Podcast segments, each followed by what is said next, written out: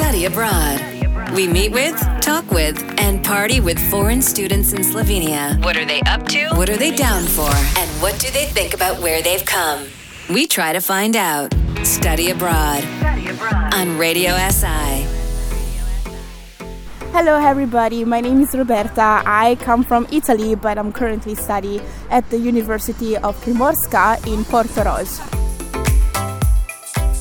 From Italy to Slovenia, it's not that far. Why it is not that far, but because I applied later, mm-hmm. I did not have too many options to go oh, abroad.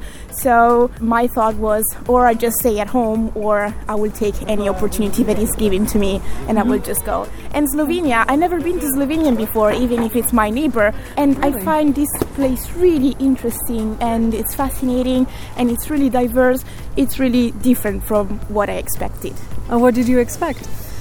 Uh, I expected a more relaxed, I would say, country because here it's really vibrant. You can go from the coast, so you have the sea and you have a lot of rivers, but you also have mountains and hills, and it's really, really diverse. What was the most surprising about Slovenia, or what the hardest to get used to here? The harder to get used to. Oh, the Slovene language is really, really complicated. I really do not understand any of that. I just know the basic words. But I have to say that I'm really surprised that a lot of people speak English here. Mm-hmm. So it's really, really international, and especially on the coast, many, many people speak Italian as well. So I was really glad about that. But still, I was really surprised about the level of good English that is spoken here. Mm-hmm. Are your studies here any different than they would be back in Italy? I mean, yeah, okay, the Erasmus program is usually a little bit different.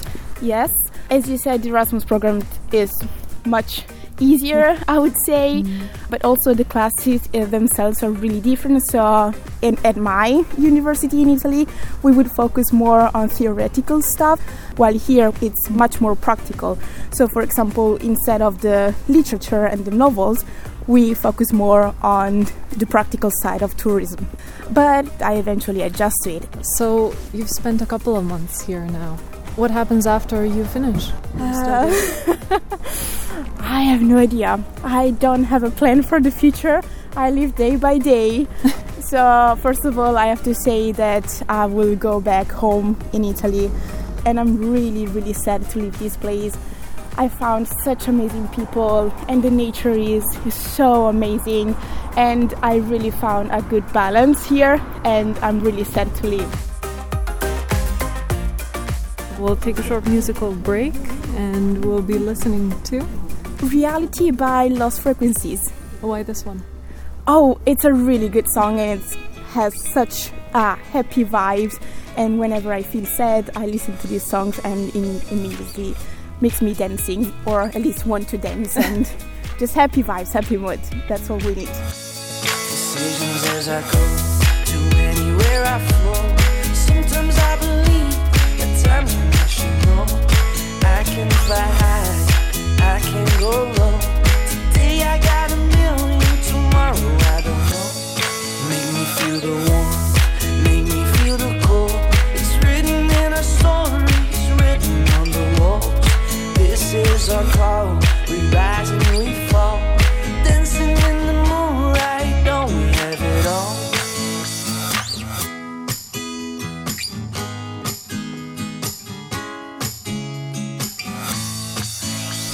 Study abroad, Study abroad. on Radio SI.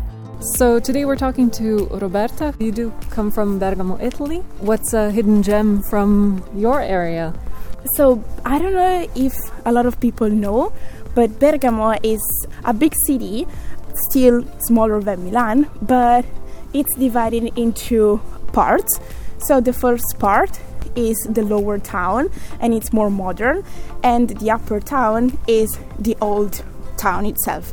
And it's really fascinating and because it has so many narrow streets it looks like a labyrinth. So i do have some nice spots where i can just stay there and take a break from everything that is happening What did your friends say when you said you were going to study in Slovenia this semester? oh, they started laughing. because I'm never home. I always travel and I did so many experiences abroad.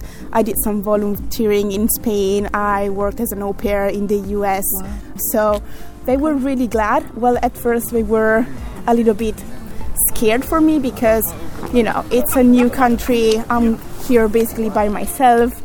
They are far, and if something bad happens, you know, it's not that easy. But I but mean, far, it's not that far. It's a couple of hours. It's not that far, yeah. but let's suppose that something really dangerous happens if I break a leg or, well, knock on wood.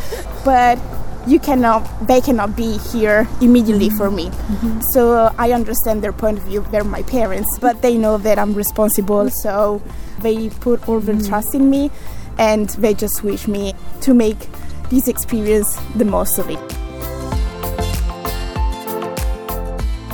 even though you've traveled quite a bit you said slovenia taught you a deeper appreciation or a deeper understanding of other cultures' perspectives?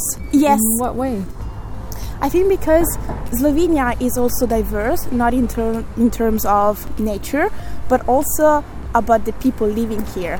For example, I live with three roommates. One is Italian, just like me. Mm-hmm. One is from Serbia, and the other one is from Bosnia. Mm-hmm. So in Slovenia, I did not find just Slovene, yeah. local people, people, but also a lot of people from uh, Serbia, Montenegro, Bosnia, mm-hmm. and a lot of these uh, Balkan countries. And they helped me to have a deeper understanding of their own culture, which to me was really, really new.